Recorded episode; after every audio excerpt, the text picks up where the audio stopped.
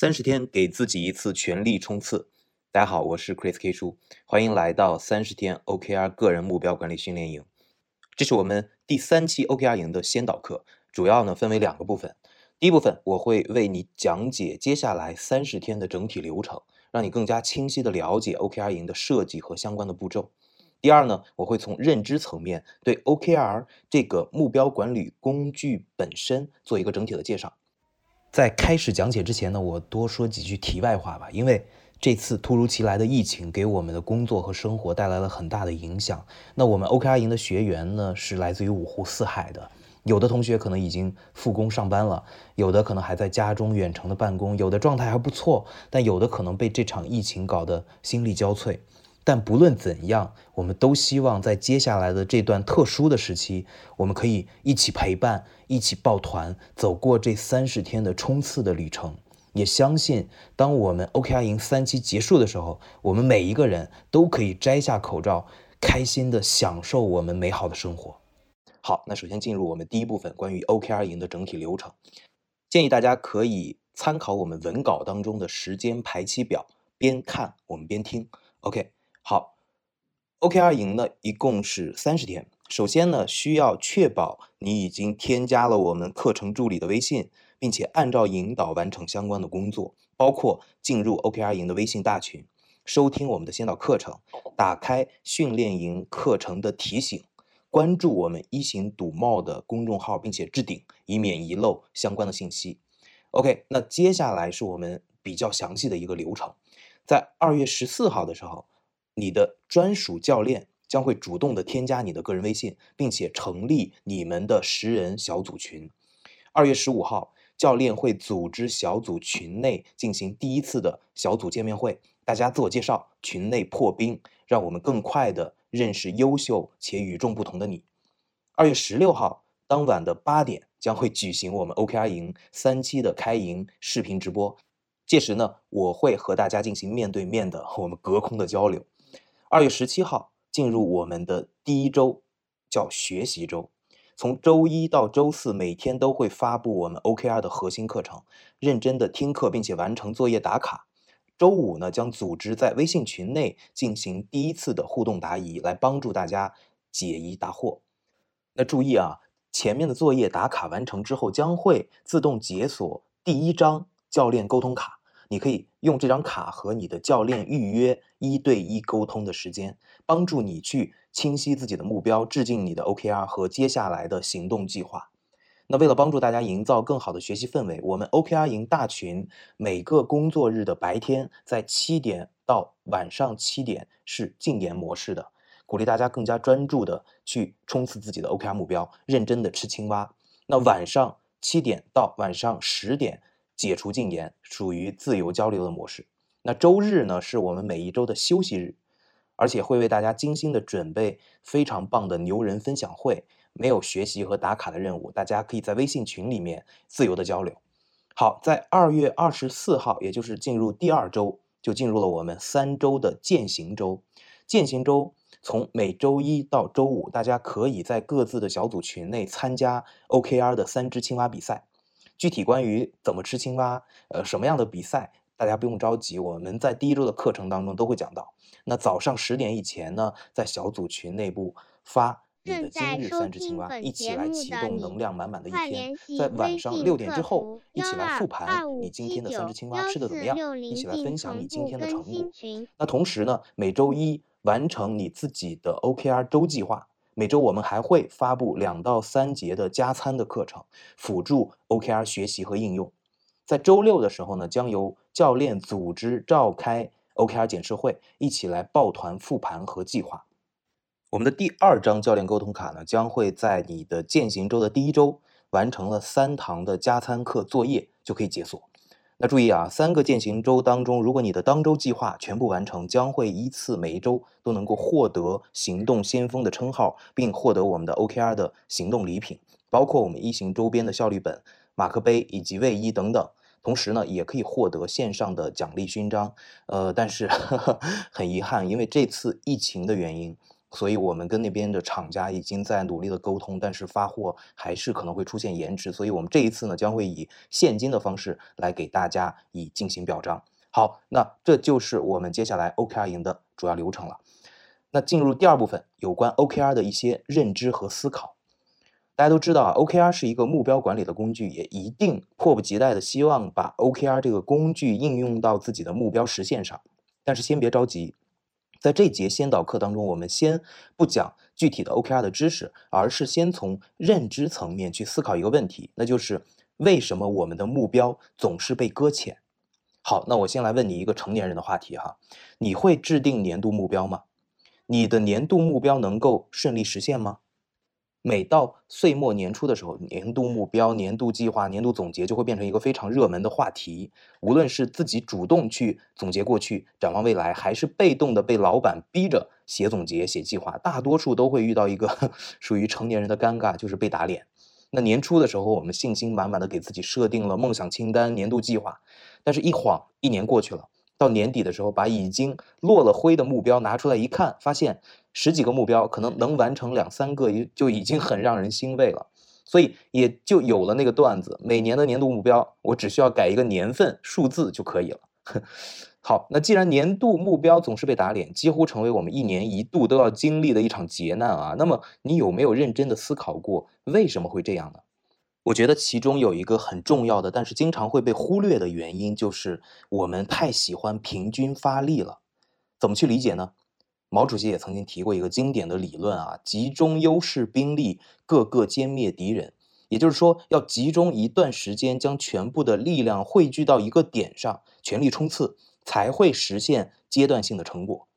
那关于主席的这种战略思维，大家可以去学习毛选当中的十大军事原则。那这些原则在战场上适用，在我们的个人管理当中同样也是适用的。其中有一条，我跟大家读一下：每场战斗要集中绝对的优势兵力，两倍、三倍、四倍，有时甚至是五倍或六倍于敌人的兵力，从四面包围敌人，力求全部歼灭敌人，坚决打歼灭战，不使一个敌人漏网。通过上述方式，我们在整体上看是处于劣势地位，但是。每一个局部上，在每一个具体的战役上，我们占有绝对的优势，所以能够保证每场战役的胜利。那主席的这种集中优势兵力的战略，就是我们 OKR 营要狂飙突进去冲刺一个目标的理论基础。未来我会逐步在课程当中展开去讲。好，很多人呢说人生是一场匀速的马拉松，但我觉得人生应该是由一场一场、一次一次的。冲刺短跑组成的马拉松，我们可以把你的一生当成一个整体的马拉松，但是这场马拉松并不是始终保持匀速状态的，而是要发起一次次冲刺的。这个冲刺就可以看作是以年度为单位、以季度为单位、以月度为单位实现目标的。那我拿自己来举例哈，哈，这也是我一直以来都保密的一件事情。大家知道，我现在已经辞职创业了，全职做自媒体的线上教育。但是在全职之前，在这个自媒体圈子里面，其实都觉得我比较神秘，因为他们大概知道我是一个人在搞，而且是兼职在做。但这个公众号自媒体的增长速度是很惊人的。而我之所以把这个公众号能够做起来，很重要的一个原因就是我曾经做过一次。非常狠的阶段性冲刺，怎么冲的呢？就是我在二零一七年的三月、四月的时候，给自己立了一个 flag，要把公众号做到十万读者。那每天吭哧吭哧的去码字，当时确实做得很快，用了一个多月的时间就涨了大概两万的读者。但是到五月的时候，我加班越来越严重，回家还要看孩子，以至于完全没有写作的时间了，所以涨幅一下子就不行了。那怎么办呢？我跟 K 嫂商量，都觉得。嗯，我们一定要尝试去冲刺一下。那核心的问题就是我的精力不足嘛，所以我们讨论出了一个计划，那就是他带着两个孩子回娘家，回银川，待了半年。我用这半年的时间，看能不能冲到十万的读者，因为十万读者是一个很重要的门槛。用嗯，大家说的就是我们的商业价值就能够显现出来了。所以第二天。K 嫂用一天的时间把孩子的衣服、用品、书，还有他的东西全部打包，超级大的两个箱子，然后联系了托运公司，把箱子放进我们家的车子里，然后车子托运回了银川。那天晚上我下班回家的时候，他们已经做好离开的准备了。第三天，他们坐飞机回了银川。现在想想，我觉得真是雷厉风行啊！可不这样的话，又怎么去冲刺和突破呢？然后我就开始了上班写作的日子，想方设法怎么写好文章，怎么吸引更多的读者关注。到九月多的时候，成功达成了十万的读者。那在达成十万读者的那个周末，我去银川把 K 嫂和孩子们接了回来。好，那这就是我狂飙突进的一个故事啊。那现在回想，如果没有那半年的冲刺，去忍受那半年的孤独时光，可能就不会有现在的这个状态了。同样的，大家看我有很多标签，什么减肥啊、马拉松啊、考博士啊，为什么大家会印象深？因为我都在极短的时间内搞定了一件看起来很困难的事情。那这样是因为我会在某个时间段内集中进行冲刺，打歼灭战，搞定之后休息一段时间再去冲刺。这就是我们所说的冲刺马拉松的概念。在马拉松当中，你要保持相对比较快的平均速度，但是同时，当你在奔跑的过程当中发现前面有一个对手的时候，当你看到十公里线、二十公里线的时候，包括你看到终点线的时候，就要加速冲刺一段时间。当超越它之后，你再保持匀速的奔跑，看到新目标了就再加速，加速之后匀速走一段，看到新目标再去加速，这样就会形成一个个冲刺短跑组成的马拉松长跑。也就是说，我们较长期的人生目标是需要一次次的短途冲刺的，需要一次次的阶段性目标达成的，才能够逐步去实现。那些阶段性目标的积累，那些不断实现的一个个成就，就构成了我们整个的人生过程。这其实和前面提到的主席的理论是非常吻合的。所以，我们在这次 OKR 营学习的之初，最重要的不是着急把 OKR 学会了，它只是一个工具。最核心的是要有一个认知的扭转，那就是不能平均发力，而要给自己阶段性聚焦和冲刺的机会。好，那还有一个非常重要的概念叫做成就反馈。问你一个问题啊，你有多久没有完成过一个目标了？我猜很多人已经很久都没有那种达成一个很大的、呃很难实现的一个目标，实现一个大的成果，感受一次成就满满的体验了。那这样长期以往一直得不到正向的成就反馈，你的自尊水平就会受到严重的影响，甚至会给自己贴上说我不行的这种标签。记住，不是你不行，而是你需要一次成就反馈来提升你的信心，激发你的潜能。我们之前有太多的这种学员和案例的故事啊，充分的说明了这一点。太多太多的人会给我发微信，而且真的非常热情也真诚。最开始我其实对自己还有些质疑，我好像没有做什么呀，或者说做的还不够啊。后来我反复看大家的留言、微信，我开始意识到一个问题，就是因为他们在幺零八、在 OKR 营、在一行赌帽当中实现了自己的目标，达成了自己的成就里程碑，让他们重新找回了自信。这种成就反馈的力量是无穷的，有的宝妈一下子瘦了二十斤，参加了马拉松，整个人的状态就会完全蜕变了。她怎么可能说不自信起来呢？有的在校学生从二本学校逆袭考上了重点大学的研究生，他怎么可能不自信起来呢？有的企业管理者提高了自己的工作效能，还提升了团队的业绩水平，还升职了，他怎么可能不自信起来呢？所以，自信是靠一点一点的成就反馈的积累而形成的。而 OKR 的阶段性冲刺就是短时间内给你获得巨大的成就反馈的非常棒的方法。好，那最后啊，我希望和你能够达成四个约定，这四个约定也关系着你在 OKR 营当中能否尽可能的得到更多的价值和收获。第一，相信认知的力量，认知决定行动，没有认知的改变，我们一切行动可能都是苍白的、形式化的。年前的时候，我在北京的表弟去我家里做客啊，说。呃，已经把我引爆自律力那本书看完了，一口气看完的。其中对他改变最大的部分就是认知突围篇。以前他会有一种封闭的精英主义，比如听到一件新鲜事物的时候，会下意识的去想说：“哦，这东西是骗人的。”正在收听本节目的你，快联系微信客服幺二二五七九幺四六零进同步更新群。或者很 low。那这种认知上的封闭，让他不自主的去隔绝了很多与这个世界有更深链接的机会。就像马云说的，大家对一个新鲜事物的认知通常是看不见、看不起、看不懂、来不及。我希望每一个来到 OKR 营的你都能够保持极度开放，通过 OKR 的课程、社群、教练沟通，让自己的认知实现一次新的升级。第二，相信行动的力量。OKR 是一个好方法，但是任何好的方法都需要去严格执行，这就是行动的力量。我前段时间看一本书，叫做《创业行动胜于一切》，是国际上最权威的一个创业领导力的商学院——百森商学院的经典书啊。它的英文名叫做。Just start，没错，创业好的点子很重要，但是好点子太多了，最关键的是把头脑当中的思考落地成行动，而把创业换掉，做任何事情何尝不是如此呢？所以 OKR 这个方法在应用的过程当中，一定会出现各种各样的问题，包括我自己，我们的团队也是在不断的迭代和修正的过程当中，一点点掌握和改进的。所以大家要相信行动的力量。有问题就解决，有困难就想办法，行动起来，比在脑子里面纠结要有效一万倍。第三，相信抱团的力量。那我们做社群啊，越来越笃定一件事，就是一个人来到一个社群，最重要的一件事就是建立一种社交磁力。怎么去理解呢？在社群里，你说的每一句话，你发的每一条信息，你做的每一次作业，你在小组当中的每一次发言，你和教练的每一次沟通，都是你在这个社群里逐步建立自己社交磁力的阶梯。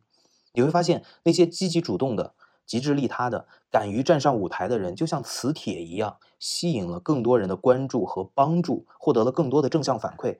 而这种来之不易的正向反馈，其实就是靠着他们自己的一次次努力而获得的。那一个社群的资源对于所有人都是平等开放的。我们经常说，我们 OKR 营、幺零八营都是属于一个。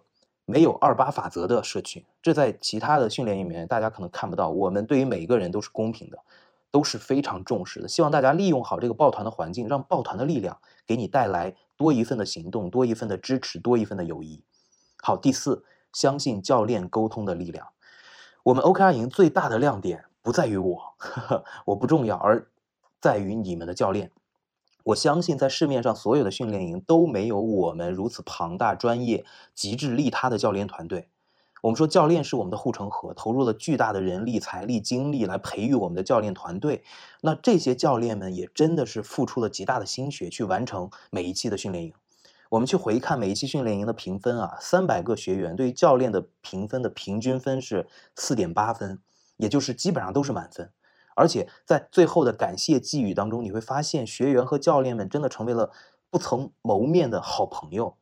我给大家一个数字啊，就在二期的 OKR 营，我们三十位教练的总沟通时长是多少呢？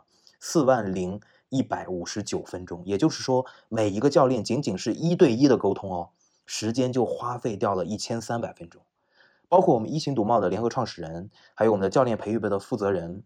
呃，都参加了国际最领先的教练培训机构埃里克森学院，那是很贵的，但是我们值得去投入，因为我们希望能够给大家提供更加专业的、系统的教练服务。